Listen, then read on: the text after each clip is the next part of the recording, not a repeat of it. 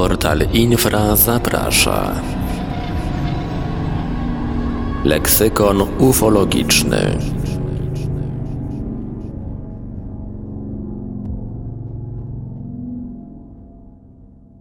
Witam w leksykonie ufologicznym, mówi Michał Kuśnierz, serwis www.infra.org.pl. To drugi odcinek, mam nadzieję, że pierwszy się Państwu podobał, a zapowiedziałem w nim, że zajmę się hasłem, które jest istotą zjawiska UFO, a więc B, B jak bliskie spotkania. Jak wspomniałem poprzednio, mimo kilkudziesięciu lat badań zjawiska UFO wciąż nie wiemy z czym mamy do czynienia. Tym niemniej jednak udało się ustalić chociaż pewne ramy klasyfikacji fenomenu i jest to solidna podstawa. Bowiem to co najbardziej zadziwia osoby zajmujące się niezidentyfikowanymi obiektami latającymi jest ich różnorodność. Każdy, kto miał styczność z raportami na temat obserwacji UFO, z pewnością zwrócił uwagę, że przede wszystkim przypisywane one są pewnym kategoriom. Współczesną klasyfikację zawdzięczamy wybitnemu amerykańskiemu astronomowi czeskiego pochodzenia Alenowi Hynkowi.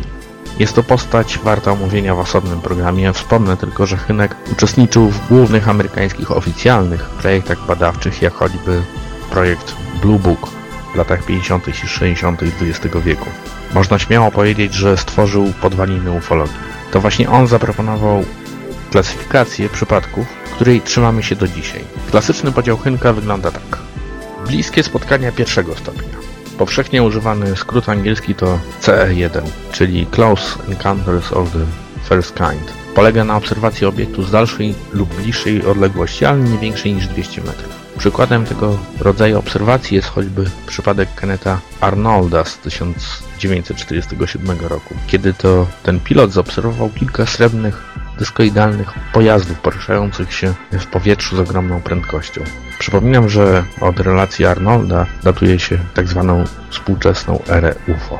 Bliskie spotkania drugiego stopnia CE2 a więc obserwacje noli, połączone z odnotowaniem ich oddziaływania na otoczenie. Mogą być to fizyczne ślady na Ziemi, wpływ na funkcjonowanie urządzeń mechanicznych, elektrycznych czy elektronicznych, promieniowanie, oddziaływanie na stan psychosomatyczny świadków. A o co chodzi dokładnie? Weźmy za przykład słynny przypadek Cash Landrum od nazwisk świadków. Wieczorem 29 grudnia 1980 roku Betty Cash, Vicky Landrum i Colby Landrum przemierzali region Piney Woods w Teksasie w poszukiwaniu klubu do gry w bingo. Niestety wszystkie lokale były zamknięte, powodu przygotowań do Sylwestra. Wszyscy udali się więc y, przed powrotem do domu na posiłek do przydrożnej restauracji. Betty Cash była 50-letnią żoną biznesmena, właściciela restauracji i sklepu spożywczego. Vicky Landrum, lat 57, opiekowała się swoim 7-letnim wnukiem Colbym. Po opuszczeniu restauracji była godzina około 20.30. Betty skierowała samochód na szosę FM 1485. Obszar, choć oddalony od Houston o zaledwie 50 km, jest rzadko zaludniony i pokryty lasami, bagnami i jeziorami. Po około 30 minutach Betty i jej pasażerowie, znajdując się nieopodal miejscowości Hoffman, zauważyli jasny obiekt, który został wzięty początkowo za samolot z pobliskiego lotniska w Houston. Kolby zobaczył obiekt jako pierwszy i wskazał go kobietom. Wraz ze zbliżaniem się do miejsca, gdzie znajdowało się UFO, wydawało się ono coraz większe. Po chwili świadkowie zauważyli, że dziwny obiekt zbliża się do drogi, dlatego przyspieszyli, aby go ominąć, jednak nie udało się. UFO zawisło dokładnie nad drogą, blokując przejazd. Obiekt, według świadków, przypominał jarzący się diament. Kiedy Betty w końcu e, zatrzymała samochód, obiekt znajdował się w odległości 40-60 metrów od nich. Wyglądał jakby był wykonany z szarego aluminium i emitował na tyle silny blask, że oświetlał okoliczny las. Cztery końce diamentu były stępione, natomiast przez jego środek przechodził e, rząd takich niebieskich punktów, czy też świateł. Poza tym obiekt emitował także taki krótki, przerywany dźwięk. Cała trójka wyszła z samochodu, aby przyjrzeć się niezwykłemu zjawisku. Vicky stała przy otwartych prawych drzwiach, a jej lewa ręka spoczywała na dachu samochodu. Kolby namawiał babci, aby powróciła do wozu, co Wiki w końcu uczyniła. Powiedziała wnukowi, aby się nie obawiał, bowiem, cytuję, ten wielki człowiek, który wyłoni się z płonącego obłoku, będzie Jezusem. I krzyknęła do Betty, aby wracała do samochodu.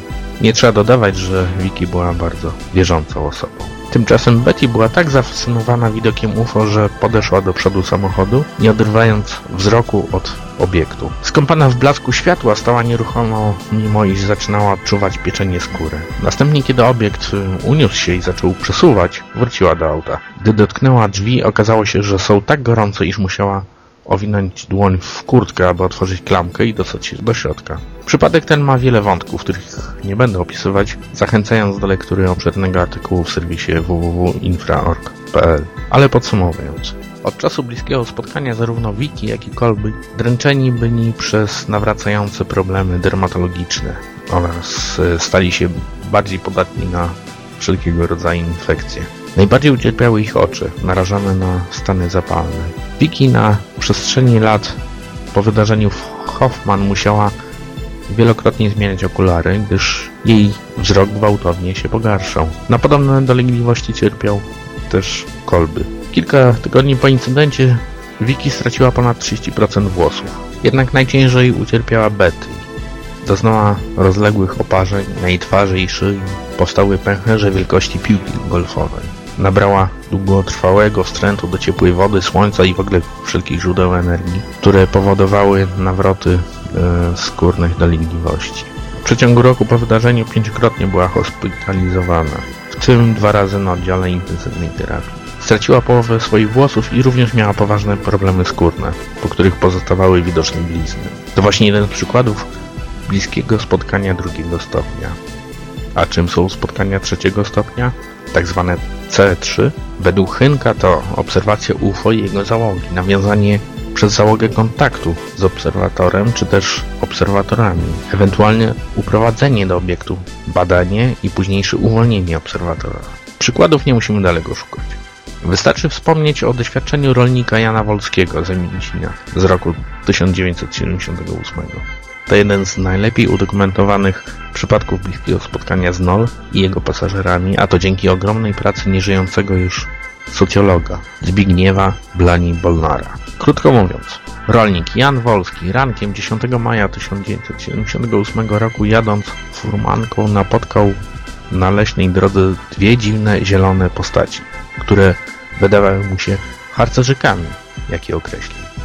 Istoty te zaprosiły następnie pana Jana na pokład swego pojazdu, gdzie poddały go pewnym badaniom, dziwnymi przyrządami, a nawet zaproponowały skonsumowanie swego rodzaju sopla, na co jednak Wolski nie przystał. Ostatecznie pożegnał się z owymi zielonymi ludzikami, opuścił pojazd i wrócił do domu. Przygoda Jana Wolskiego doczekała się wielu opracowań, nawet książkowych. Zachęcam do zapoznania się z nimi. Na stronie serwisu Infra można posłuchać także zapisu audio relacji owego polskiego rolnika. Trudno o lepszy przykład bliskiego spotkania trzeciego stopnia. Klasyfikacja Henka z biegiem lat ulegała modyfikacjom i rozbudowywaniu.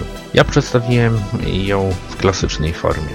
Dziś w opracowaniach ufologów można natknąć się na określenia typu NL, czyli Nocturnal Lights, nocne światło, albo DD, Day Discs, czy dyski dzienne, obiekty dyskoidalne widziane za dnia, ale trudno to nazwać bliskimi spotkaniami. Niektórzy preferują także wprowadzenie kategorii CE4, czyli uprowadzeń, przypadków, kiedy ludzie o zgrozo, wbrew swojej woli, zazwyczaj podczas snu, porywani są przez pasażerów UFO i trafiają do dziwnych miejsc, przypominających medyczne laboratoria, gdzie poddawani są rozmaitym zabiegom.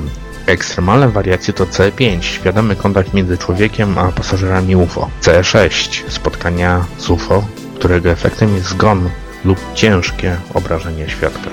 C7, interakcja seksualna między człowiekiem a pasażerami UFO. Moim zdaniem jednak jest to niepotrzebne rozbudowanie kategorii C3. Są też yy, sprawy, które nie podlegają klasyfikacji Hynka, jak na przykład tak zwane latające humanoidy lub nocni goście ale to już tematy na inne odcinki tego leksykonu. Warto dodać, że Hynek nigdy nie używał w kontekście UFO terminu pozaziemianie czy też kosmici. I osobiście jestem bliski temu sposobowi myślenia o tym niezwykłym fenomenie.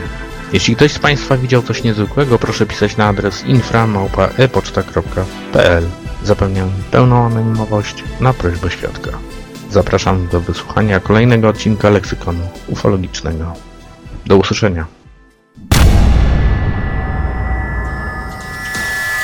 Produkcja i realizacja Portal Infra www.infra.org.pl